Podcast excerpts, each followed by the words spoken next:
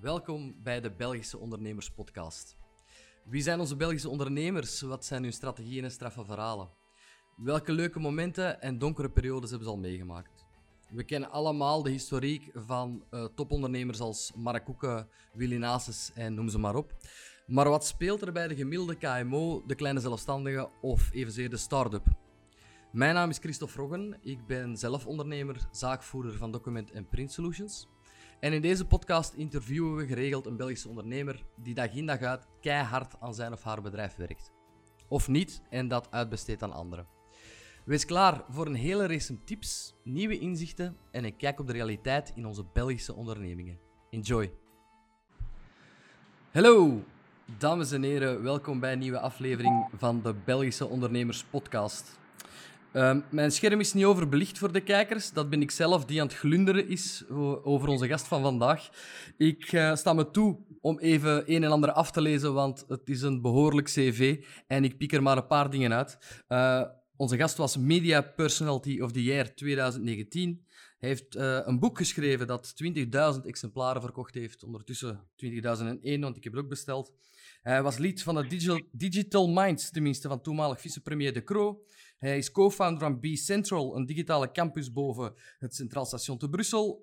Hij is business angel en investor. En bovenal, hij is al negen jaar de CEO van Google Belgium en Luxemburg. Mag ik u hartelijk welkom heten, Thierry Geerts.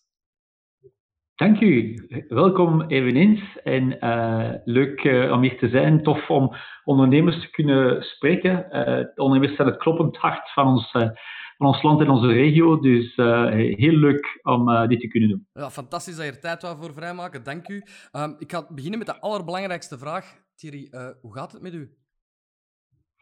Wel, alles gaat gezondheidsmatig goed. En, en, voor de rest ja, is, het, is het zoals voor iedereen ongeziene tijden enorm aanpassen.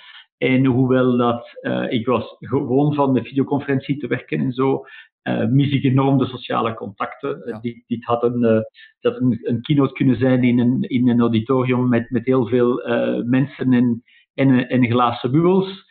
Ja, dat, dat, dat mis ik natuurlijk ook. En, en dat, dat blijft moeilijk, maar al bij al denk ik meer aan de mensen die in een minder comfortabele situaties ja, zitten ja. vandaag.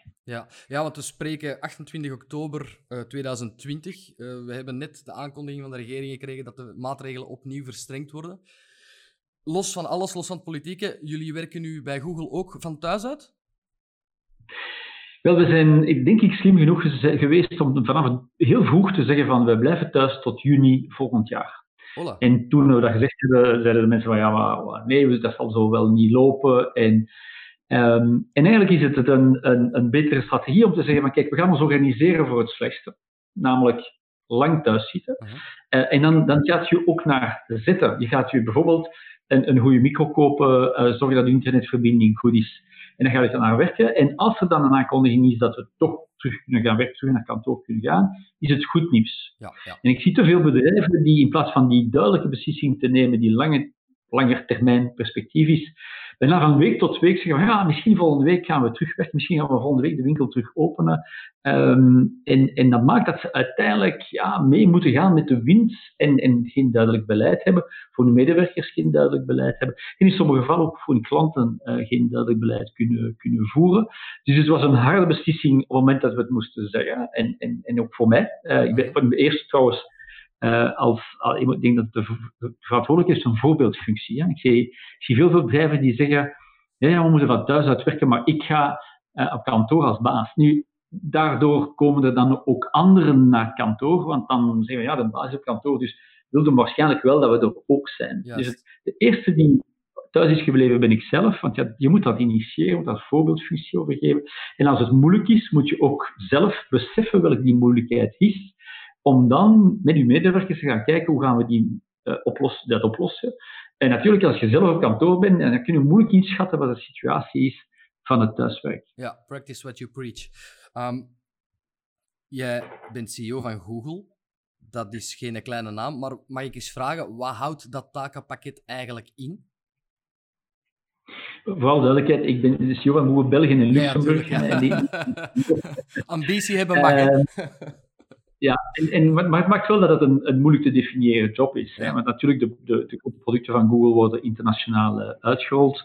Um, ik noem me soms gewoon de ambassadeur, omdat Google zoveel uh, dingen doet, dat ik uh, de connectie ben tussen de Belgische maatschappij Google, maar ook Google en België. Het gaat in, in, twee, uh, in twee richtingen.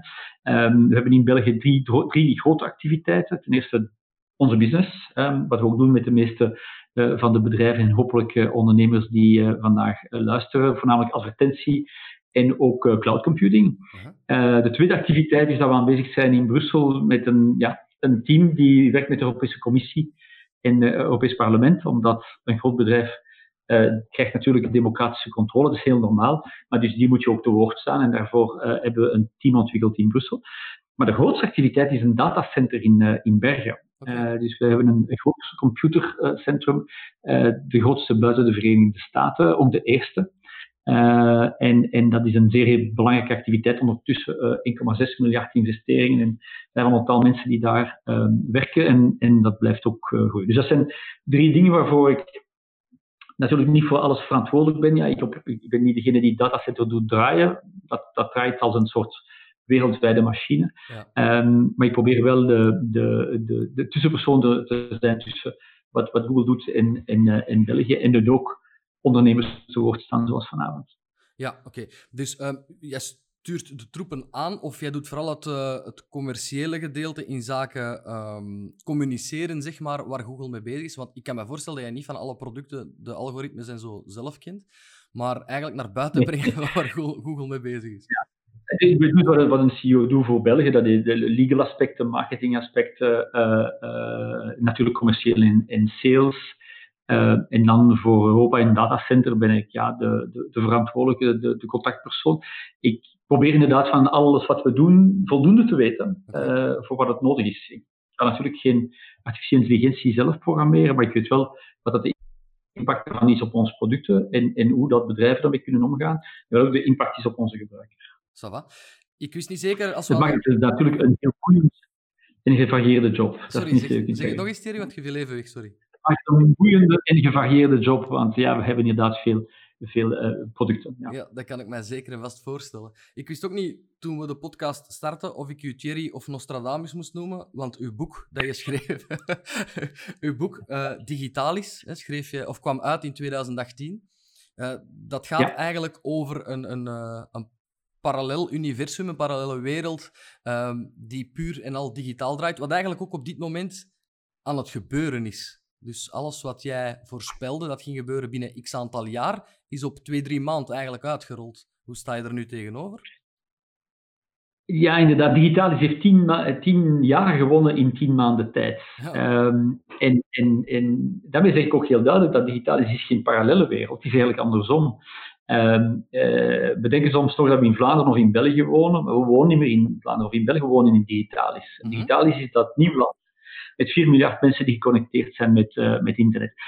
En dat kan een beetje een parallele wereld klinken, uh, of een bizar concept voor, uh, voor zo'n podcast. En, en toch is het wat we doen alle dagen. Je stuurt een mail naar iemand in, in Singapore, krijgt onmiddellijk een antwoord. Je vindt dat heel normaal. de mensen kijken nu niet meer naar VTM, maar naar Netflix, dat is een Amerikaans bedrijf. Mensen vinden dat heel normaal. Uh, je luistert naar muziek van Spotify, dat is een Zweeds bedrijf. Uh, kinderen posten uh, video's op TikTok, dat is een Chinees bedrijf. En we, we, bestellen onze schoen bij Zalando, dat is een Duits bedrijf. Dus we leven inderdaad in die geglobaliseerde wereld, maar voornamelijk geconnecteerde wereld die ik digitaal is genoemd heb. En dan had ik daarin een aantal, aantal statements gemaakt van wat betekent dat voor ons leven. En een van die dingen was bijvoorbeeld thuiswerken. Ik zei van kijk, in België zitten we allemaal in de file. Het kan toch niet zijn. Maar nu met videoconferentie kun je perfect van thuis uit werken. Ja. En dan kun je, als je dat een beetje meer doet, dan kunnen we eigenlijk het fileleed doen verdwijnen, zonder dat we bijkomende bruggen en oost-verbindingen moeten bouwen. Um, maar iedereen was best sceptisch daarover. Ze zeggen, ja, maar ik wil dat de mensen toch op kantoor zijn en willen we de mensen wel, en, en, en dat gaat niet gaan. En op 12 maart werd het opeens in België realiteit. En, en als je het nu digitaal eens terugleest, het is altijd waar. Maar de hele uitleg is blijkt een evidentie. Maar ja, natuurlijk kunnen we nu van thuis uitwerken. Ja. Dus ik vind het wel interessant. En, en het heeft dus de, de, de, ik heb de pandemie zeker niet voorspeld, maar het heeft het wel doorstaan. En in, zag je dan dat, het is dankzij die digitale tools dat we hebben kunnen blijven functioneren. Uh, zonder videoconferencing, webshops, had onze economie helemaal stilgestaan. En we hebben het toch in stand kunnen houden. Maar niet zoals we hadden gewild natuurlijk, maar toch beter dan, uh, stel je voor dat die pandemie 20 jaar geleden had bestaan. Ja, dan zaten we op onze Nokia 310 Snake te spelen, eh, maar ook op alles wat we konden doen. Hè? Ja, klopt. Bedankt voor die flashback. ja. ja, dus jij bent ook voorstander van, van dit systeem zo goed als mogelijk te behouden. Wel, van daar de juiste lessen uit te trekken. Ik heb het bij de inleiding gezegd, nee, nee, ik mis sociale contacten. En de, technologie, de, de, de technologie, digitalisering, heeft nooit de ambitie gehad om die sociale contacten te vervangen. Integendeel, ze moeten die faciliteren. Maar wat, we gaan, we, wat gaan we doen, is wel niet meer alle dagen op kantoor gaan zitten. Dat heeft geen zin, we hebben nu geleerd dat het anders kan. Maar als we naar kantoor gaan, dan gaan we daar voor de sociale contacten. Ja. Dus we gaan niet naar kantoor om ons op te sluiten in een kantoor, maar ik zou bijvoorbeeld één keer per week wel naar Google kantoor gaan in Brussel. Maar op dat moment zal ik zorgen dat ik dingen doe die net met mijn team zijn. Om teambuildings te gaan doen, om strategieoefeningen te gaan doen. Niet om een budget af te vinken. Ja, dat, dat doe je veel beter van, van thuis uit. En als je die juiste combinatie doet van alles wat efficiënt kan via digitale tools, blijven we nadien ook nog altijd doen. Maar we gaan terugconnecteren. En de tijd die we gewonnen hebben, gaan we een deel investeren om iets meer nog samen op café te gaan, op restaurant te gaan, om de horeca terug een boost te geven. Dan gaan we naar een betere maatschappij. Hetzelfde voor uh, leren. Het is toch absurd dat we onze kinderen zeven uur aan een stuk opsluiten in een leslokaal op een stoeltje om theorie te krijgen die meestal op een, maar niet altijd op zo'n inspirerende manier wordt gegeven, waar dat theorie, die theorie beter wordt gegeven op afstandsonderwijs. Maar de kinderen moeten wel naar school om dan oefeningen te doen, problemen te bespreken, wat ze niet goed hebben begrepen. En voor de sociale contacten met hun vrienden en vriendinnen. Ja. Ehm, en dus ik denk dat we met die crisis daar de juiste dingen moeten uithalen. André Leijzen zei vroeger, um, uh, crisissen zijn uitdagingen. En inderdaad, het doet je nadenken. En, en daarmee gaat je een aantal dingen beseffen, waarmee dat je nadien hopelijk de beste van de twee werelden gaat uitpikken. Ja, vooral dat, het beste van de twee werelden. Want ik, ik volg u vooral voor een, heel groot stuk. Uh, maar als ik ook ik, ik, ik heb het gevoel dat er nu heel veel mensen naar de podcast aan te roepen zijn. Ja, Thierry, dat zal wel. Maar wat als je kinderen hebt rondlopen? want dat is niet altijd even gemakkelijk, natuurlijk. Dat zal dan de combinatie moeten zijn van naar bureau gaan en, en, en thuiswerken, neem ik aan.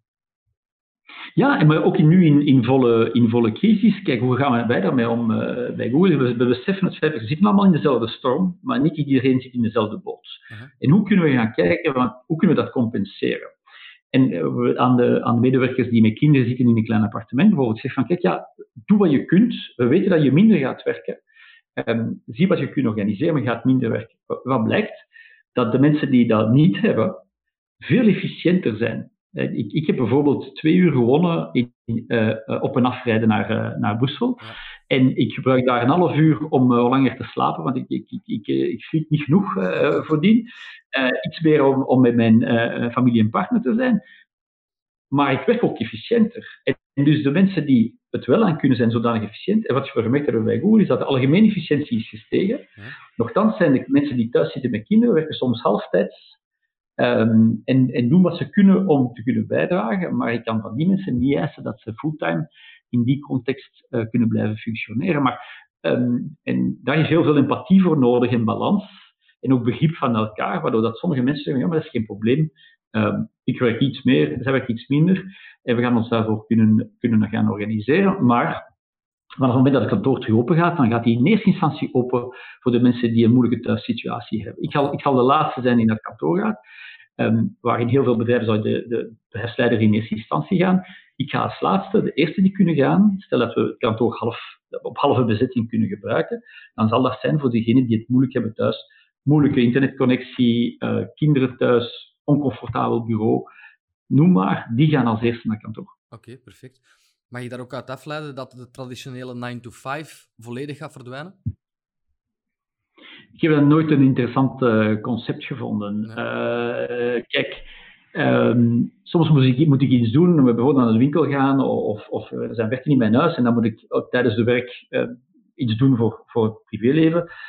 En als het op zondag voormiddag aan het regenen is en er valt niets te doen, dan open ik mijn mails en dan werk ik een beetje voor mijn mails. En dus het is, het is een, juiste balans tussen werk en, uh, en, uh, en, en privéleven. Maar ik denk dat dat een mix is. En, en met de digitale mogelijkheden nog iets meer een mix is, waar dat, um, door het feit dat ik hier thuis ben, ja, open ik regelmatig de deur voor, uh, voor een webshop die levert. Dat kan nu. ja. ja, ik moet dus geen verlof meer nemen om om uh, Proximus of een uh, of NG binnen te laten of zo. Je kan dat gaan uh, mixen. En als je daar heel bewust mee omgaat, dan heb je gewoon een beter gebalanceerd leven. Maar verplicht, de mensen verplichten om van 9 to 5 naar kantoor te gaan en hen daardoor een uur, twee uur, drie uur in de file te zetten, dat is toch niet meer van deze tijd. En dat is ook niet goed voor de maatschappij, het is vervuilend. En, en dan is er um, file op de weg. Ja, nee, volg ik ook helemaal. Hebben jullie met Google geweten van de eerste crisis? Wat wil ik daar dan mee bedoelen? Hebben jullie de advertenties, de, de kosten of, of de inkomsten daarvan tenminste zien uh, dalen? Zijn er grote, uh, ik noem maar een booking.com, die heel veel uh, omzetverlies heeft gedraaid, die bij jullie denk ik een hele grote klant was. Ehm, is dat gecompenseerd door kleinere bedrijven? Kijk, hier sommige mensen zeggen, ah, Google is makkelijk ontspreken, want jullie hebben er niets van gevoeld. Wel, we hebben het heel hard gevoeld. Uh onze omzet is voor de eerste keer in onze geschiedenis achteruit gegaan. Dat is natuurlijk een luxe positie, maar ze is wel achteruit gegaan in, in het tweede kwartaal omdat een van onze belangrijkste sectoren is de, is de reisindustrie. En Booking.com is onze grootste klant internationaal. Uh, ja, Booking.com heeft uh, zowat 85% van zijn business zien achteruit gaan. Die advertenties gaan ook achteruit. Dus een heel sterke daling. daarom aan de andere kant zijn onze kosten gestegen, want meer dan ooit hebben de mensen onze diensten gebruikt. er is meer gezocht naar Google van wat is, wat is een COVID? Hoe kan ik mij daartegen beschermen? Hoe maak ik een mondmasker? Um, maar ook welke winkels zijn open op Google Maps, dat soort uh, zaken. Ja, ja. Videoconferentie is maal 13 gegaan, dus ja, de servers in, uh, in Bergen zijn uh, vol, volle bezittingsgraad. Wow. Um, maar we gaan er niet om klagen, maar we hebben wel degelijk heel hard gevoeld ja. dat het is. Maar wel ergens toch heel blij dat we ons nuttig hebben kunnen maken in de maatschappij. Ik zei het al daarvoor, dankzij onze services er zijn heel veel dingen blijven draaien. En dat vinden we ook eh, bij Google uh, fantastisch dat we dat hebben kunnen doen. We hebben heel veel energie gestopt in de juiste informatie vooraan zetten in Google voor corona. Um, op uh, YouTube zijn er gigantische tutorials uh, gebruikt voor kinderen. Um, dat is ook door het tak gegaan. Hè? Alles wat, wat, opvoeding is, opleiding, entertaining en ook. En, en bedrijven blijven helpen. Dus we hebben ons nuttig gevoeld, maar we hebben het ook heel hard gevoeld. Um, en, en, en het was ook voor, voor, ons moeilijk om aan te passen naar het helemaal niet meer met elkaar werken. We waren dus wel gewoon om met videoconferentie te werken, maar niet op de manier waarop we het dan heel streng hebben moeten doen. Um, maar we blijven, we weten nog, in een luxe positie. We zijn een winstgevend bedrijf. Ja. Uh, en uh, we hadden, kunnen ook tegen een stootje. Dat is minder zo voor, balans, voor bedrijven die al hun balans hebben ja, het kantje boordje was voor de crisis natuurlijk een ander paar Dus ik zeg dat met heel veel uh, nederigheid, maar, maar we hebben het wel heel sterk gevoeld. Ja. Okay. Hebben jullie iets proactief gedaan? Het moment dat het uh, uitkwam, dat, er, dat de crisis eraan kwam, dat de lockdown ging gebeuren, hebben jullie proactief dingen beginnen opzetten, aanpassen? Onmiddellijk, onmiddellijk gaan zogenaamd de juiste search-termen naar boven komen. Dat ja. is uh, dat de, de, eerste dagen van de crisis, de volle focus op de informatie die te vinden is op Google en op YouTube, is dat het, het, het, het juiste nieuws. Contact met de overheden om te zeggen, kijk, hoe moeten we nu naar voren schoven? Op dat moment zijn alle commerciële activiteiten, bij wijze van spreken, uh, uh, stopgezet om te focussen op wat kunnen we doen naar kwaliteit. Hoe kunnen we onze klanten helpen, klanten die campagnes hadden staan, zeggen, kijk, stop die campagnes, het is nu het niet het moment er, er bekijkt dat. Dus in eerste instantie, heel sterk kort moment in crisis, wat moet je op dat moment eerder stoppen om te zorgen dat je geen stommiteiten doet, of wat, welke informatie moet je dan vinden. En dan heel snel gaan kijken, oké, wat moeten we daarvoor doen? In eerste instantie focus op medewerkers. Ik denk dat dat het belangrijkste is. Zijn ze comfortabel? Kunnen ze werken? Okay. Uh, hoe kunnen we degenen die er niet goed uitgeraken helpen? De zekerheid bieden. De zekerheid in onzekerheid. Zeggen we, kijk, ja, tot juni gaan we thuis blijven, maar laten we er ons aanpassen. Um, en en uh, het volgende stap is dan heel snel bij onze advertentieklanten gaan kijken van hoe helpen we jullie vooruit? Hè? Hoe kan uw, shop, uh, uw webshop functioneren? Wat is de juiste strategie om, om te blijven adverteren in woelige, woelige tijden. En dat was heel veel werk aan de winkel in, in, in België, omdat de Belgische bedrijven waren al niet zo hard gedigitaliseerd als, uh, als sommige bedrijven in het buitenland. Um, en dan komen er pijnlijke zaken natuurlijk, dat, dat Belgische webshops moesten sluiten omdat het, het volume niet aankomt. Ja. Dus ze waren niet voorbereid, omdat ja, ze hebben misschien tien winkels in een webshop, maar ze beschouwen wel degelijk de webshop als de elfde winkel. En dus het elfde wiel aan de, aan aan de kar. En als op het moment dat de corona er komt en de winkel sluiten, wordt dat je hoofdkanaal. Maar dat ding is dan niet gebouwd, voorzien, gemanaged om, om het aan te kunnen. Um, en het bewijst dat je alles wat je doet, het fysieke verdwijnt niet, maar je moet alles digital first gaan doen. Je moet, als je winkelketen hebt, moet je zorgen dat in eerste instantie je, je webshop functioneert en dat er dan een, wat men noemt een omnichannel strategie gebeurt, dat de mensen ofwel in de winkel kunnen kopen, ofwel online, ofwel online kunnen reserveren in de winkel en ophalen, of in de winkel um, uh, iets bestellen dat je uiteindelijk thuis uh, laat afleveren. Maar je moet redeneren vanuit een uh, digital first strategie. Als je adverteert, je kunt natuurlijk ook offline reclame doen, affiches, televisiereclame, maar je begint met je digitale ja. advertentiestrategie. En hetzelfde voor je computerinfrastructuur. Hè. Zorg dat je up-to-date bent, dat alles in de cloud is. Als alles in de cloud is, dan kan er heel veel gebeuren. Um, maar je IT is safe en kan functioneren vanuit waar dan ook in de wereld. Dus dat zijn natuurlijk de, de, de structurele stappen die je moet zetten en waar de spijtig genoeg Belgische bedrijven een beetje watervrees hadden om die technieken toe te passen. Digitale marketing, webshop, cloud computing. En dat zijn de, essentiële puzzelstukken om zo'n crisis te doorstaan, maar ook om gewoon succesvol te zijn na de crisis. En dus, hopelijk wordt daar nu ook uh, um, vanuit de directie en vanuit ondernemers die ons uh, vandaag luisteren, dat dat nu de, de hoofdstrategie is om te zorgen dat dat in orde is. Wel, mijn vraag was een voorzet naar mijn volgende vraag: van, heb je tips voor ondernemers uh, die nu hetzelfde hebben meegemaakt? Maar je hebt het volledig beantwoord, dankjewel. Ik denk dat mijn voorzitter rechtstreeks is binnengewaaid. Fantastisch. nee, um, dat is inderdaad zo. Nu, we krijgen meer en meer ook de vraag um, voor AdWords, voor SEO, um, optimalisatie. Enfin, ik krijg die vraag niet, u krijgt die, ik zit in een andere business. Maar eh, SEO-optimalisatie, kan je de luisteraars het, het gelukje gunnen van één à twee tips te geven van wat superbelangrijk is om bovenaan in Google te staan? Zijn daar twee, drie algoritmes die jij durft prijsgeven? Uh, ja, en uh, gek genoeg, denk niet eerst aan adverteren op Google. Denk eerst aan gewoon goed je werk te doen op Google Search, waar je niet voor moet betalen. Okay. En uh, wat je daarvoor moet doen, is goed begrijpen wat kan uw bedrijf en welke vragen worden gesteld aan Google die kunnen leiden tot de services en producten van uw bedrijf. En dat echt zich in de, in de schoenen te zetten van mensen die dingen zoeken. Ze zoeken niet altijd naar uw bedrijf bij naam. Ze zoeken misschien een categorie, ze zoeken misschien iets in de buurt. Maar je moet zorgen dat aan uw website op al die vragen beantwoordt. Waardoor dat je zegt van kijk, ja, als ik zeg maar schoenen verkoop, hè, ja, dan wil ik natuurlijk bovenaan zijn naar schoenen. Als ik zoek naar schoenen, moet dat bovenaan staan. Maar ja, daar gaat waarschijnlijk heel veel volk zijn. Dus wat is uw specificiteit? Ah ja, ik, ik, maak, uh, ik, heb verkocht, ik verkoop handgemaakte uh, schoenen met een speciale leer. Wel, alle mensen die dan zoeken naar die specifieke domeinen, dat dat daar bovenop staat. Ja. Ik denk dat daar te weinig aandacht aan besteed wordt. Um, om dat goed te begrijpen. Ik, ik, ik ga ieder bedrijfsleider om regelmatig zelf te zoeken naar, um, naar zijn producten en, en services, maar ook anders te gaan zoeken. Vraag bijvoorbeeld aan, aan uw klanten, prospecten, familieleden, waar zou je naar zoeken? En dan krijg je soms totaal andere vragen dan, ik zoek niet naar schoenen. Ik zoek naar, ik heb zere voeten. Ah, En als ik zere voeten heb, ja, dan heb ik waarschijnlijk nieuwe schoenen. En ik zoek meer comfortabele schoenen. Dus het, het is dat in eerste instantie begrijpen. En dat is niet voor Google. Dat is, moet je eigenlijk doen als ondernemer, omdat je je markt goed begrijpt, je klanten en je prospecten goed begrijpt, dan doe je dat. En vandaag in plaats van dat in je verkoopsverhaal te zetten, dat doe je nog altijd, moet dat ook in je, in uw webpropositie staan en ook op een mobiele website natuurlijk. Het tweede is dat aan Google te laten weten. En dat is nog altijd gratis. Je gaat naar Google My Business.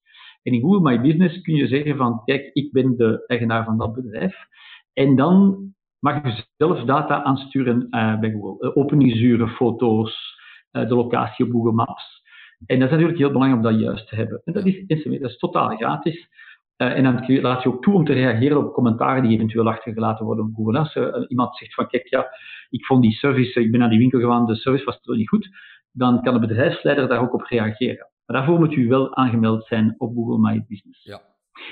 Is dat je dat goed gedaan hebt en je zegt van, ja, en dat geeft mij inderdaad leads. Hè. Ik heb een, een, winkel in Antwerpen en als mensen in Antwerpen naar schoenen zoeken, dan vinden ze mijn bedrijf, dus ik ben eigenlijk heel tevreden.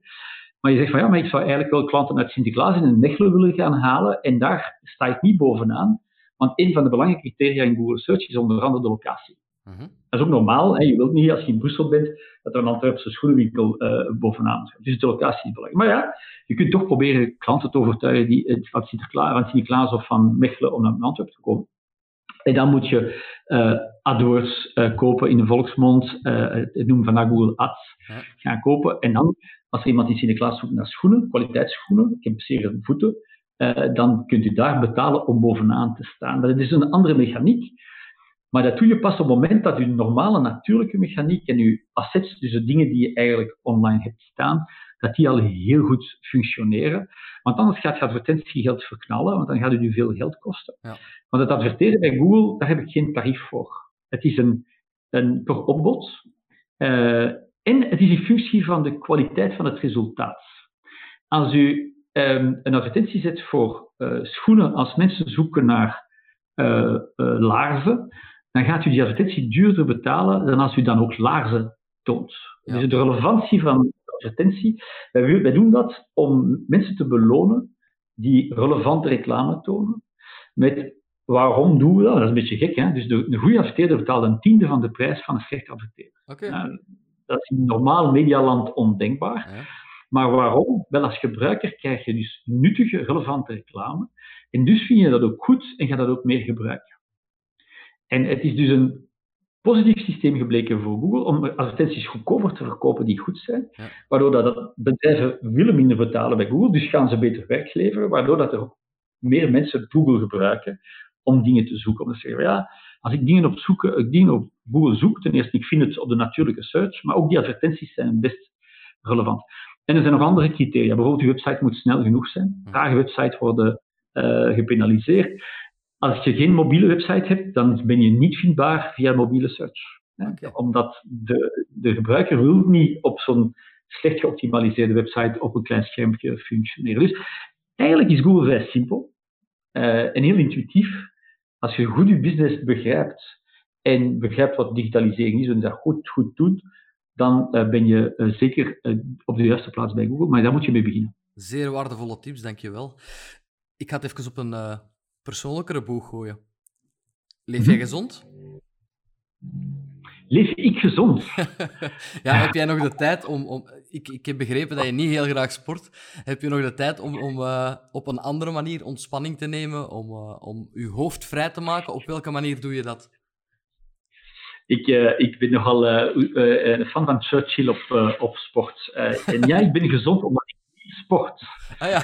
uh, ja, uh, dat is een beetje gek, maar kijk, er zijn heel veel mensen die uh, denken dat ze gezond zijn omdat ze één keer per week gaan uh, naar de fitness gaan en daar sporten.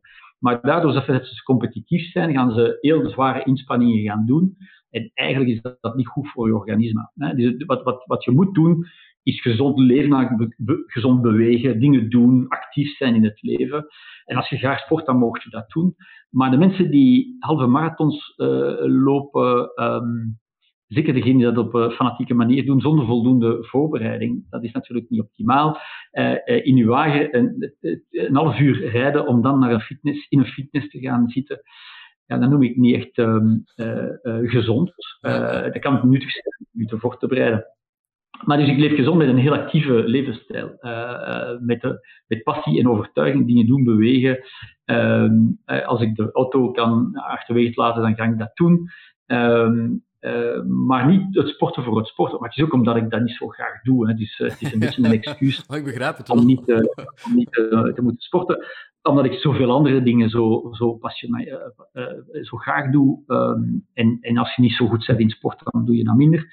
Um, maar dus voilà, het is meer een, het is meer een boetade, bij wijze van spreken. maar je hoeft niet absoluut te sporten om gezond te zijn. Nee, oké. maar als ik dat mag vragen, wat doe jij om je hoofd even leeg te maken, om, om die ontspanning te zoeken na drukke dagen? Het, het, het, belangrijkste is denk ik dat ik doe wat ik in gepassioneerd ben. Ik heb tijdens een dag echt niet de indruk dat ik werk. Ik ben heel intensief bezig. Ehm, maar kijk, je kunt dit zien als werk.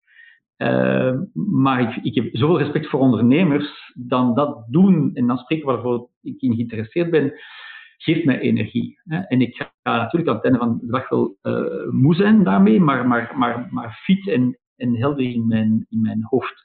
Um, wat ik wel doe, is um, meetings tijdig stoppen. Uh, het is een heel dom uh, ding, maar een meeting van een half uur stop ik op 25 minuten. Stop ik, uh, sta ik op, ga ik een tas koffie nemen en begin ik dan aan mijn, aan mijn volgende meeting. Of ik ga even buiten. Um, ik ga tijdens de, de dag uh, van die pauzes inlassen. Als ik op kantoor was, dan ging ik letterlijk babbeltje doen met, uh, met medewerkers, koffies gaan, gaan, gaan drinken en in onze rust uit, gaan zitten. Uh, ik, ik, doe het nu thuis, spijt genoeg, een beetje te veel alleen. Ja. Maar het zijn domme dingen, hè. Brood gaan halen te voet tijdens de dag als afwisseling. Um, en samen voornamelijk die dingen ook volledig afzetten. Dus ik ben niet de man, dat zou raar lijken, maar die, die constant op zijn smartphone zit te kijken. Okay. Uh, als je aan tafel bent, dan ben je aan tafel met familieleden, dan ben je niet op die uh, smartphone bezig. En, um, en als, als het toelaat van corona, dan ga ik heel graag tafelen. ik vind zo twee, drie uur op restaurant zitten en genieten van een goede tafel met, met vrienden of familie, dat is pas echt ontspannen. Op dat moment moet je natuurlijk ook wel je werk opzij uh, durven zetten.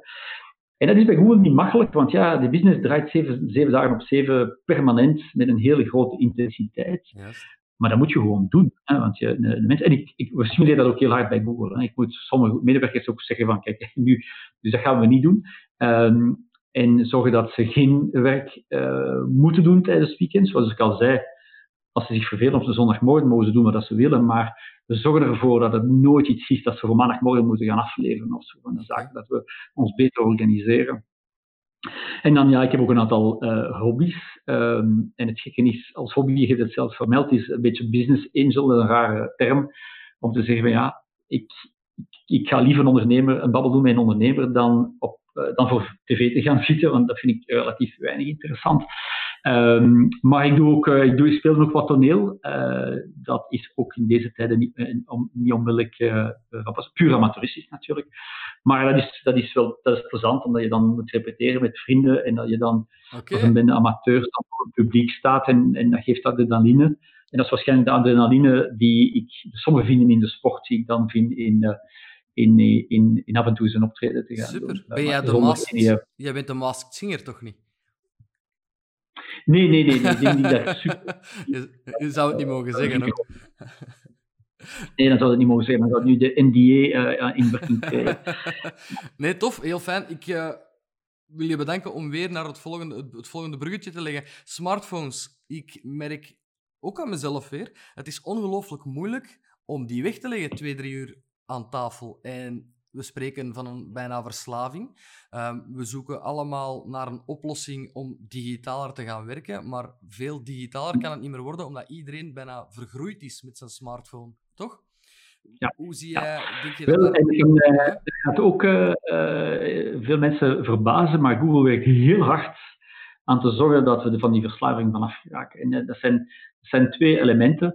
Um, Ten eerste nu op korte termijn is zorgen dat um, de smartphone ook kan afgezet worden. Um, bijvoorbeeld is nu een, een, een nachtmodus op, uh, op Android-telefoons. Uh, ik weet niet of je het nog gezien hebt, maar um, uh, dus vanaf, ik heb ingezet van welk uur tot welk uur ik niet wil gestoord worden. Mm -hmm. En tijdens die uren, toch vrij lang, negen uur, gaat mijn smartphone in grijsmodus. Dus alles wat ik doe is grijs. En ik krijg geen enkel melding meer hij blijft nog actief. Dus als ik, als ik het wil gebruiken, dan, dan, dan blijft het is niet afgezet. Het, het, probleem, vroeger zet je die af. Maar ja, je wilt ook niet afzetten, want je, ja, als de kinderen uitgaan, wil je bereikbaar blijven. En, en als er echt een noodgeval is, moet je bereikbaar blijven. En, en ja, je wilt toch nog altijd, als je zegt van ja, is het eigenlijk mooi weer morgen of niet, of is het slecht weer, dan moet je nog altijd willen doen. Je wilt niet dat ding twee jaar aanzetten. Dus die slaapmodus is gewoon dat die de, de meldingen vallen weg maar de wekker functioneert nog. Dus tegen 9 uur staat mijn smartphone op sowieso op eigenlijk uh, af. Je kunt bepalen hoe lang dat je sociale media per dag gaat doen. Dus je kunt zeggen van kijk, ja, ik geef mezelf een budget van een half uur. En dan nadien blokkeert dat. Hè. Nu, het nadeel is, je moet naar, naar die instellingen gaan en dat opzetten. Waar we in ja, het valt eigenlijk best mee. Ik denk niet dat ik super karakter heb, maar het wordt je voorgesteld en dan doe je dat en dan zeg je, oh, dat is praktisch en dan, dan, dan loop je daar wel in mee. Maar meer structureel geloof ik echt dat die smartphone uit ons leven moet gaan en dat wordt mogelijk dankzij het magische woord artificiële intelligentie. Um, wij geloven namelijk dat die smartphone heeft zowat alles in zich opgenomen, maar die moet terug uit ons wereld verdwijnen, zodat gewoon de dingen rondom ons nuttiger worden. En we noemen dat ambient computing. Dat wil zeggen dat alles wat elektrisch is op een of andere manier, de intelligentie krijgt van een smartphone. En dan heb je smartphone niet of niet meer zoveel nodig. Een paar uit, voorbeelden om dat uh, uit te leggen. Uh, vandaag als je in je auto stapt en, en, en je wilt uh, naar Mechelen rijden, dan neem je meestal Wees en je typt je, je, je bestemming in Wees en dan zet je dat ding op je dashboard. Het nadeel daarvan is dat Wees je wel zegt hoe dat je moet rijden, maar ondertussen zie je wel je scherm. Dus je ziet je meldingen en je mails en je sociale meldingen. En dat is natuurlijk niet enkel onaangenaam, je zit er constant mee bezig en verslavend, maar ook super gevaarlijk, want je bent veel aan het rijden. Ja. Wat hebben we nu? En dat hebben we al in één wagen vandaag, namelijk dat gewoon de wagen geconnecteerd is met Google, met de Google Assistant, waardoor je gewoon in je auto stapt en je zegt, oké Google, breng mij naar mijn volgende afspraak. En Google is geconnecteerd met je agenda, weet waar je moet zijn, opent wees en brengt u naar je volgende afspraak. En dat is mogelijk met de Polestar vandaag, ehm, maar dat is dus Android Auto, dat gaan we uitrollen. We hebben akkoorden met heel veel wagenfabrikanten en dat wordt dus uitgerold in de wagen. Dus in de wagen gaat je meer en meer je smartphone gewoon in je zak kunnen laten en de wagen zal geconnecteerd zijn met het voordeel dat het enkel zal tonen wat nodig is. Je bent aan het rijden en dan krijg je enkel wees, maar je krijgt ook niet die andere dingen. Okay. Meer uh, door de weeks voorbeeld, uh, je, wilt, uh, je wilt koken. Wat doe je vandaag? je kunt natuurlijk nog altijd een papieren kookboek behalen, maar in veel gevallen neem je je smartphone en je vraagt het recept voor waterzorg. Ja, ten eerste, dat is niet praktisch. Hè. Je moet je smartphone openen, unlocken, dan uh, recept waterzooi intypen en dan komt dat recept op je scherm. Uh, en dan belt je schoonmoeder en dan begint het te bellen, maar dan kun je niet meer naar je recept kijken. Ja, dus totaal onpraktisch en verslavend, want op dat moment zie je dan ook je sociale mediaberichten en je bent vertrokken. Waar werken wij aan? Uh, gewoon um, een, een, Google device die daar staat, de Google Home, en je zegt, oké Google, wat is het recept voor waterzooi? zonder dat je je smartphone uit je zak haalt. En op het scherm verschijnt het recept voor waterzooi. En ook niets anders. En je kunt beginnen koken. En je hebt het schermpje op je aanrecht. En je begint te koken. Daarmee gaan de dingen gewoon doen wat ze moeten doen. En word je niet permanent verleid om andere dingen te gaan doen. En dus het, het schermpje op je aanrecht is voor te zeggen wat het, wat, wat, hoe je moet koken. Je wagen gaat je leiden waar je moet zijn. En voorzien maar uh, verder, ondertussen hebben we 2 miljard toestellen geconnecteerd met Android uh, uh, operating system, waardoor dat het de Google Assistant heeft. Dus je kan de stem herkennen. En morgen zeg je niet meer, ga je niet meer naar um, een website, maar gaat je zeggen van oké, spreek met Proximus en dan gaat de artificiële intelligentie erkennen dat, dat je met Proximus wil praten. En je wordt in contact gezet met Proximus. En dan gaat je zeggen van, kijk Proximus, er is een probleem, mijn internetconnectiviteit is niet meer zo goed. Wat kan ik er gaan doen? En Proximus gaat dat in de achtergrond gaan proberen op te lossen. Zonder dat je een smartphone neemt, dat je Proximus gaat en dan ook alle andere meldingen krijgt. Hoe ver het Ambient computing is volop aan, aan het uitrollen. Dat is aan het uitrollen, dat is niet voor binnen tien jaar. Daar zijn ze nu allemaal mee bezig. Nee, uh, het, is, uh, het is bij de start van de uh, Google Assistant eigenlijk zo bedacht.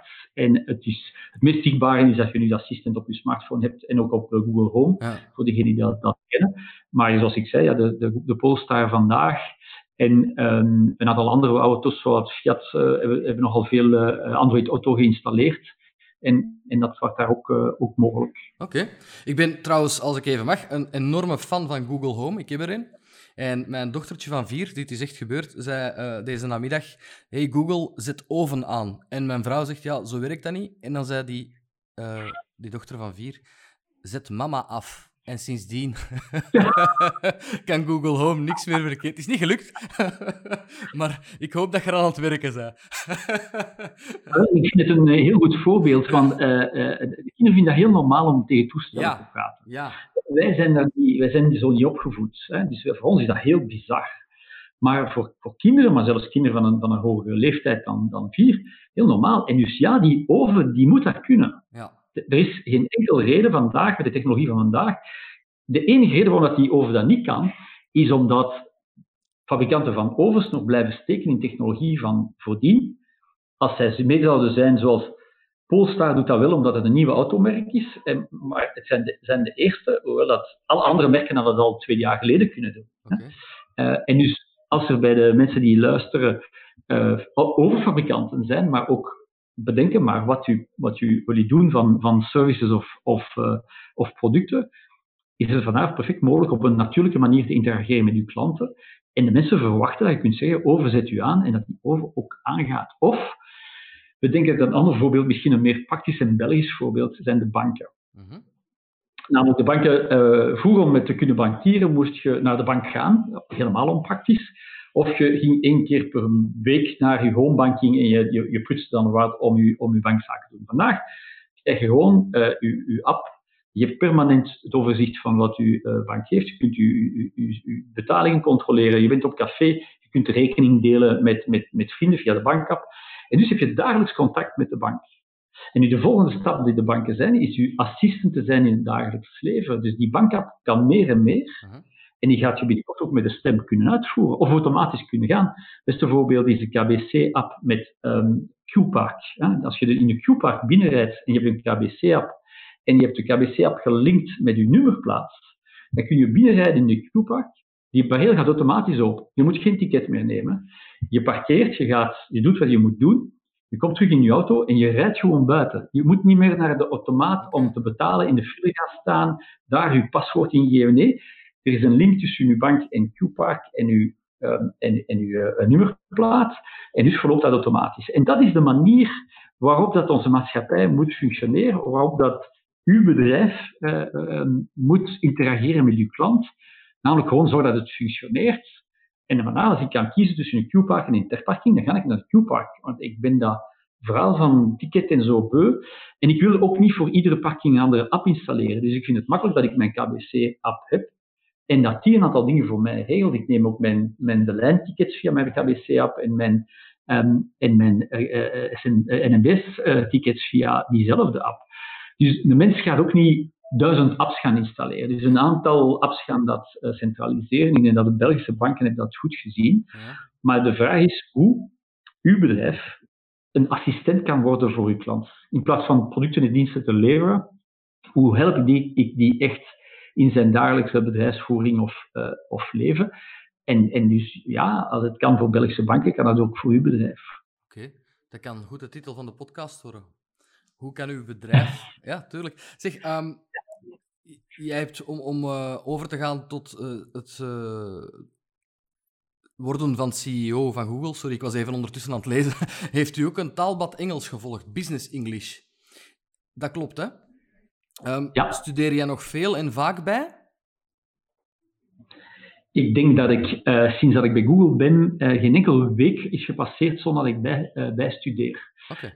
het is niet altijd met, met, met een boek en een, en een, en een fluor stift, hè, maar ik, is ook een van de redenen waarom dat ik ook deze de challenge aanvaard heb om, om, om, om Google te, te komen leiden. Ik dacht van, ja, ehm, ik, ik vond het een beetje raar. Ik was 45 jaar toen dat ik mijn contract tekende voor Google. En ik dacht zoiets van, wow, dat zijn allemaal jonge mensen daar, waar ga ik als 45 jaar uh, daar gaan doen? En ondertussen ben ik er 54. Mm um, en, maar ik dacht van, ja, kijk, ik teken voor de toekomst. Ik ga, dat gaat mij verplichten om, om nog meer bij te zijn met die digitale technologie. En sindsdien ja, studeer ik bij over artificiële intelligentie, over cloud computing, over die ambient computing en wat dat betekent voor, voor mensen in de maatschappij. Um, en tijdens de corona heb ik uh, gezegd van kijk, ja, ik wil nog iets anders bijstuderen, want ja, ik wil ook een deel van de tijd die ik niet meer in de auto spendeer aan, aan iets voor mij uh, doen. En heb ik inderdaad een business English bijgenomen, omdat ik vond dat ik mijn plan wel trok in het Engels. Maar ja, het was toch met veel haken in ogen. dus ja, waarom niet? En dat dient voor Google, maar dat dient ook voor mij privé en dat zal dienen voor, voor mijn carrière. En dat is fantastisch. Ik denk, permanent bijleren is, uh, is tof als je, als je dingen vindt die, die... Ik vond taalkursussen in het verleden afschuwelijk, omdat dat abstract was. Hè. Het was de taal voor de taal. Ja. Nu is het de taal voor iets over te brengen en, en, en dan, dan wordt het ineens iets nuttigs. Dat is het een tool die ik wil gebruiken en ik dan ook beter wil hanteren.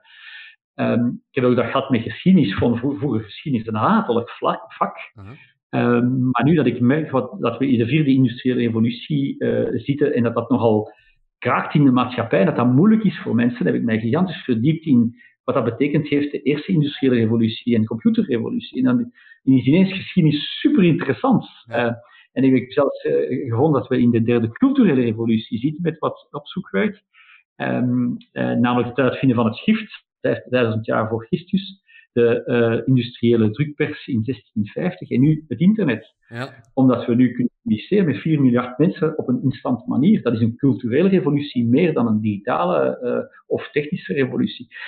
Dus je ziet maar, het wordt allemaal boeiend als je het kunt doen in functie van wat je, wat je doet. Dus kijk naar je passie en, en kijk dan hoe digitale technologieën je kunnen helpen, maar je moet willen bijstuderen. Ja, oké. Permanent eigenlijk. Ja. Zeg, toen jij aan het studeren was, had je eigenlijk ook al een bedrijf, een start-up. Er zijn eh, best wel wat studenten, uh, marketing, economie, die luisteren naar deze podcast. Heb jij voor hen wijze woorden, want ik heb ook gezien dat tijdens de coronacrisis heel veel bedrijven zijn opgestart, wat, wat alleen maar kan toegejuicht worden. Ehm, studenten die nu overwegen van die stap te zetten, al dan niet in combinatie met studies, zijn er voor jou tips die, die super belangrijk zijn voor hen? Ik denk in het, in het algemeen um, is het belangrijk dat je niet gewoon afstudeert met een mooi diploma, punt uit. Uh, bedrijven zoeken naar een mens. Ze zoeken natuurlijk naar de mensen die iets kan, maar ze zoeken ook naar de mens. Um, en uh, ik heb inderdaad een start-up gedaan tijdens mijn, mijn, mijn, studies. En, en, dat was belangrijker dan een onderscheiding hebben of zo. En ik heb ook gemerkt dat dat in, in de interviews voor een job te doen, ja, werd daar heel matig over gesproken, omdat ik dan toch niet een van die honderd studenten waren die afstudeerden. Ik, was ik, had, ik deed dan heel veel scoutsbeweging, wat mijn leiderschapskills heeft, heeft gestimuleerd. En het feit dat ik dan een ondernemer was, dat er zo, ah ja, die heeft toch wel iets boven.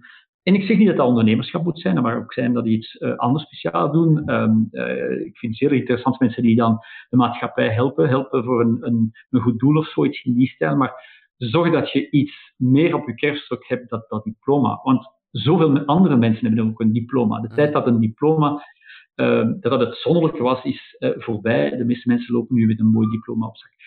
Naar ondernemerschap wil ik wel iets vermelden. Namelijk, in mijn tijd was dat moeilijk. Ten eerste, ondernemerschap was helemaal niet sexy in die tijd. En vandaag is het nu cool, maar toen was dat helemaal niet. En ten tweede, ja, was niet zoveel dingen dat je kon opstarten. Uh, het was ook crisis. Um, maar nu, met de digitale transformatie, moeten we alles eruit vinden. Namelijk, alles wat we doen, alle systemen, alle bedrijven zijn gebaseerd op de vier vorige industriële revoluties. En opeens komt er een soort paradigma-shift, wat maakt dat je alles moet eruit vinden. En dat maakt gigantische opportuniteiten voor ondernemers. Ondernemers die, die, dat is pas interessant te ondernemen als je iets moet eruit vinden. Je moet iets anders doen. Als, je, als er al tien bedrijven zijn die schoenen maken op dezelfde manier en je bent dat elfde bedrijf, ja. Maar je kunt nu met digitale technologie een, uh, bijvoorbeeld een gepersonaliseerde schoenen maken op een industriële manier. Uh ja?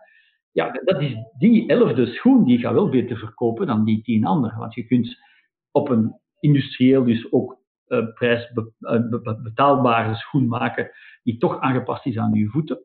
En je kunt met digitale technologie een, voetafdruk maken en zo van die zaken. Dus je kunt eigenlijk iets bedenken. Ik bedenk het nu ter, ter plaatse. Ja, ik kan um, dat noteren ik heb het patent ook. Ja. Sorry.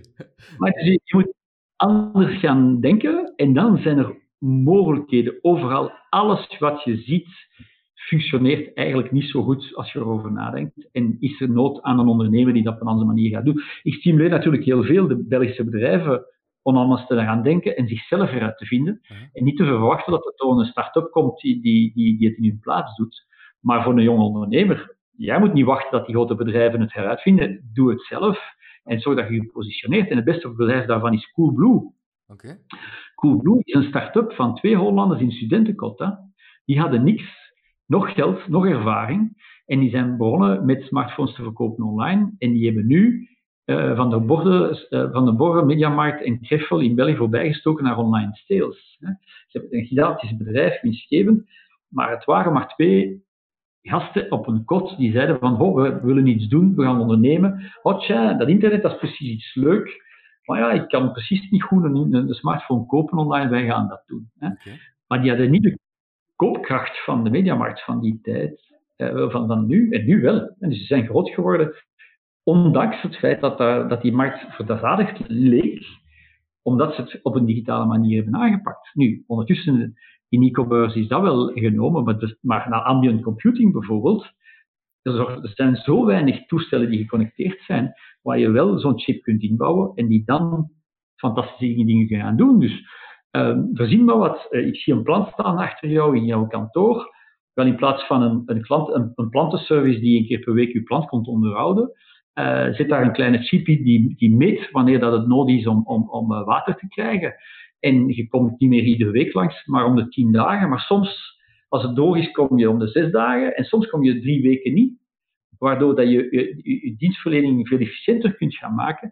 En waardoor dat je plant ook groener blijft. En dus je bent bereid evenveel te betalen dan vroeger. Nochtans komen we minder, minder heren langs om je plant bij te maken. Het is niet omdat je een plant ziet.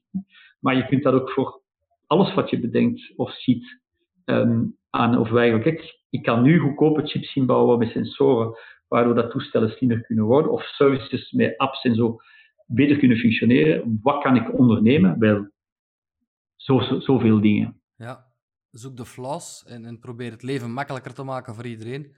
En dan heb je veel kans dat daar iets in zit. Ja. Ja, fantastisch, fantastisch. Is er iets, als jij vandaag terugkijkt op, op jouw carrière, dat je anders zou aangepakt hebben? Zonder enig twijfel zou ik uh, als jonge uh, professional naar het buitenland gegaan zijn. Hè. Dus als je mijn cv kijkt, ik heb wel heel veel gedaan, maar mijn, mijn, carrière situeert zich tussen Brussel en Antwerpen. En, en, en, gelukkig heb ik al in Luxemburg, had ik al in, in mijn jonge tijd al, al gedaan. Maar ja, ik doe, nog, ik doe nog geen internationale carrière. Dus ik heb heel veel geluk dat Google op zoek was naar net zo iemand die, die België goed kende. Ja. Um, maar als je nu begint aan je carrière, gaat, gaat in Dublin werken voor uh, Google of een ander techbedrijf, of, of uh, ga ervaring opdoen uh, in, ehm, in, in Azië. Nu, toen dat ik begon, was een, een vliegtuigticket ook onbetaalbaar. Dus we vergeten dat de wereld was veel kleiner toen. Um, maar toch hebben een aantal van mijn collega's, medestudenten, dat wel gedaan. En ik heb het niet gedaan. Nu, uiteindelijk heb ik mijn plan kunnen trekken, maar uh, het is zeker een zwakheid op mijn, uh, op mijn cv van, van niet meer de wereld te hebben gezien. Ja, ja okay. Het kan nog komen natuurlijk. Hè? Het is ook nog niet allemaal voorbij, Thierry.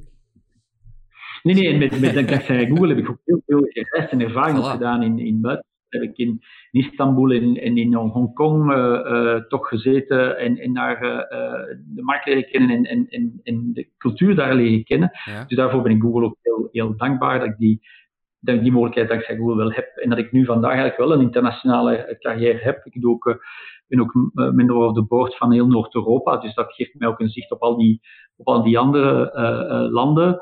Um, maar ja, je mag niet enkel rekenen op geluk. Dus als ik één ding zou hebben meer gedaan, ja. is het inderdaad uh, internationale ervaringen. Je spreekt over die reizen. Heb jij ergens een, een totaal anders, ander ondernemersklimaat gezien? Of is het ondernemersklimaat overal anders dan in België?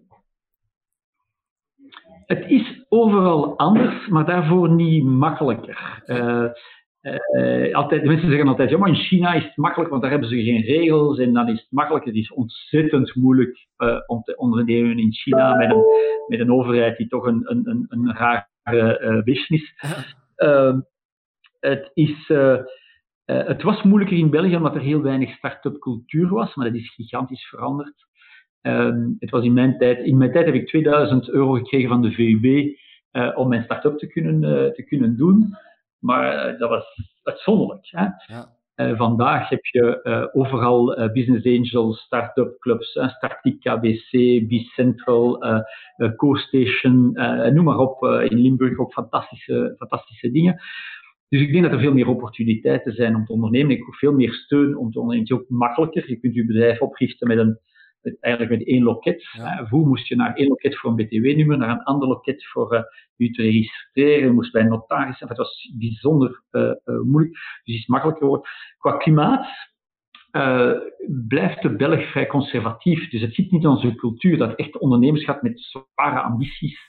Uh, mensen zoals Larry Page en Sergey Brin, die uh, uit hun studententijd komen en zeggen van ik ga de wereldwijde informatie indexeren en beschikbaar maken voor Jan en allemaal. Een Belg wordt daar niet meer wakker, voor een of andere reden. Uh, maar dat is spijtig, want we, we, kunnen dat ook. We zijn niet dommer. Uh, uh, we hebben niet minder mogelijkheden. dus ik zou enkel zeggen aan de ondernemer van vandaag, van wel die ambitie te hebben en wel stimulerend te zijn. En we zeggen dat die mogelijkheden er vandaag zijn. En zich niet te schuilen achter het feit, ja, maar we zijn een klein land en de wetgeving is moeilijk. Maar dat zijn allemaal details. Als je de ambitie hebt en je wilt het doen, dan is België eigenlijk een vrij uh, goed land om te ondernemen. Maar je moet je niet laten onder de indruk zetten van bijvoorbeeld, je kunt geen nachtwerk organiseren in België, of het is toch moeilijk. Dus stel dat je een webshop hebt en je wilt de CMD of de day after delivery doen, ja, dan moet je de, de, de Nederlandse post bellen en dan wordt dat pakje geleverd vanuit uh, Breda of vanuit net over de grens. Hè. Ja. dat is een probleem voor België. We hebben 10.000 jobs van logistiek geëxporteerd net buiten de grenzen. Hm. Door, een, door een fietsen in onze wetgeving. Uh, maar voor als een ondernemer, ja, dat is uw probleem niet. Ja, je wilt dat pakje laten leveren, dan bel de Nederlandse post en die doen dat gewoon. Hè. Dus uh, dat zijn zo veel te veel excuses om het uh, niet te doen in België, waar dat je dat allemaal perfect kunt uh, regelen. En dus ik vind dat België het juiste land is om te ondernemen. Oké. Durf groot denken en stoor je niet aan de details. Maak je ambities waar. Mag ik eens vragen, eh, zo ongeveer ter afronding, wat is het zotste waar Google nu mee bezig is? Toekomstgericht? Zijn er dingen waarvan dat, dat, dat, dat kan niet? Hoe komt dat? Hebben ze al water gedronken op de maan? Uh, ik, ik, ben aan, aan, het, aan het denken, uh, het is een goede vraag. En langs de andere kant, het, soms de gekste dingen die we doen zijn heel concreet. Het gekste, het gekste dat we ooit gedaan hebben, vind ik, is Street View. Hè. Uh, want ja, zolang dat we de informatie beschikbaar maken voor mensen, is het, tenslotte zijn het uh, servers die dan uh, het, het wereldwijde web rondgaan en, en webpagina's indexeren. En, en, en maps, ja, dat zijn digitale maps, dat gaat allemaal. Maar Street View, dan moesten we ineens wagens laten rondrijden in de straten, want die beelden bestonden niet. Dus we hebben in alle straten van België een auto hebben doen en af en toe moeten we die wagens opnieuw laten rondrijden, ja. um, want anders zijn die beelden niet up-to-date. Dus dat is waarschijnlijk het gekste uh, dat, dat, dat, dat je kunt verzinnen.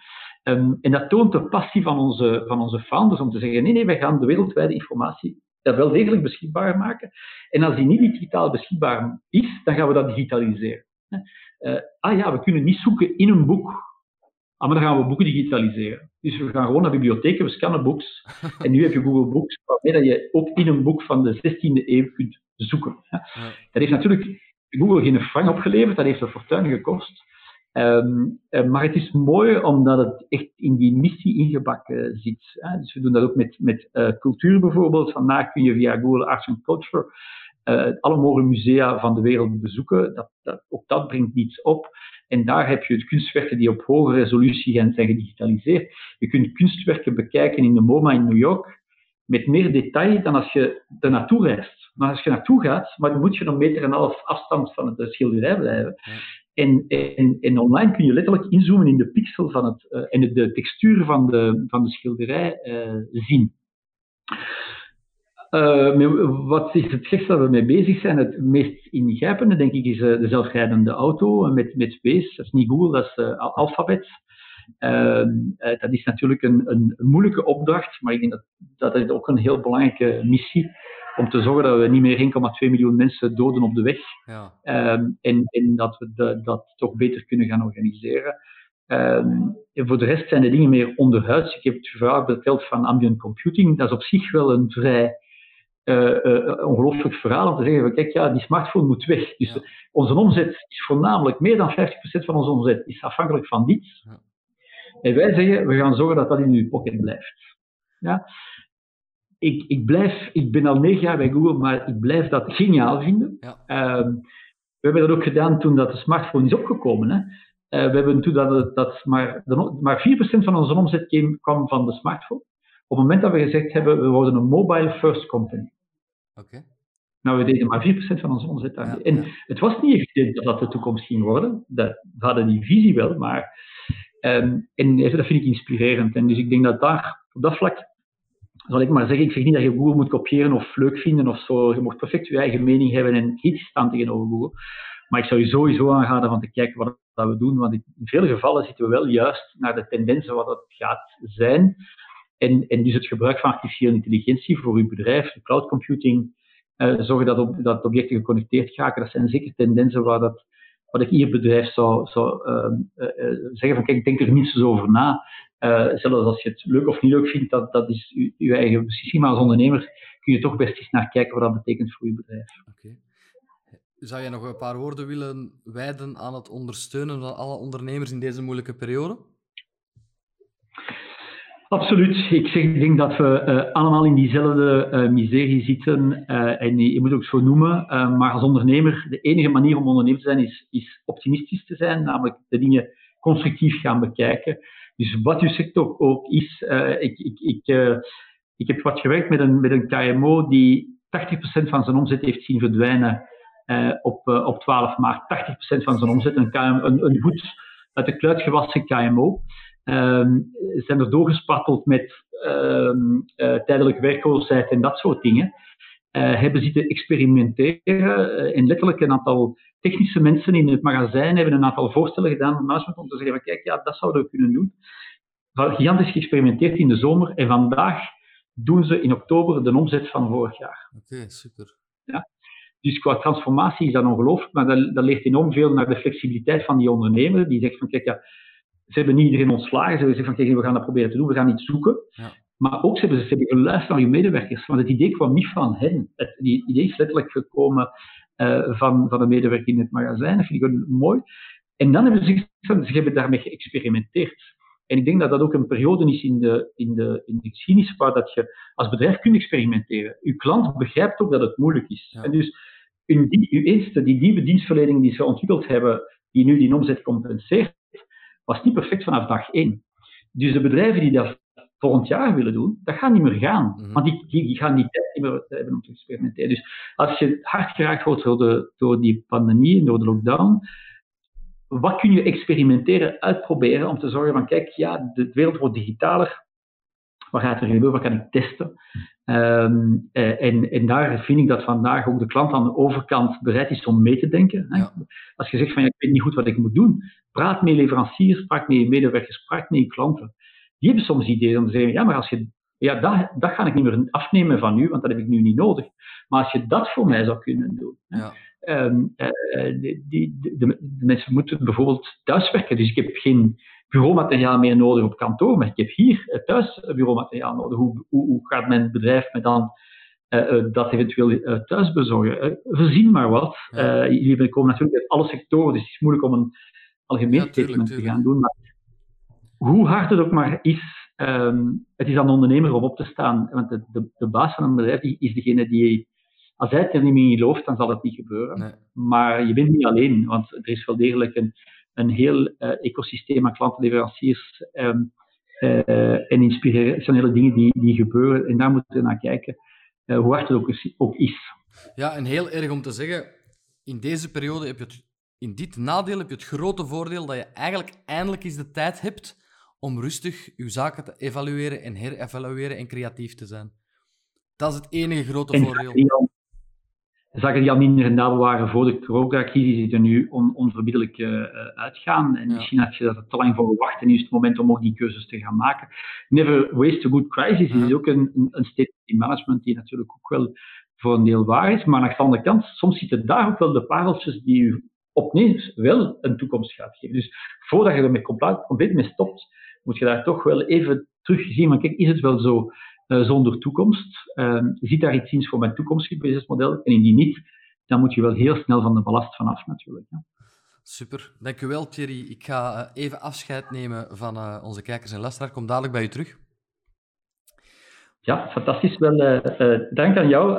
dank je toch voor deze interessante babbel. Ik hoop dat de luisteraars en ook jij er iets aan hebben gehad. Dank je. Voilà. Ja, beste luisteraar, kijker, als u hier niks van geleerd heeft, dan moet u gewoon de podcast opnieuw opzetten, want dan heeft u niet goed opgelet. Dan was u met andere dingen bezig. Dat was een fantastisch staaltje uh, kennis, uh, kennis tentoonspreiden. En ik hoop dat jullie er iets aan gehad hebben. Ik vermoed van wel. Ik uh, wil nog even meegeven dat wij te vinden zijn op iTunes, Spotify, YouTube. Ehm, je kan ons mailen op info@belgischekoppeltekenondernemers.be. En feel free to like alle media om uh, ook ons een hart onder de riem te steken.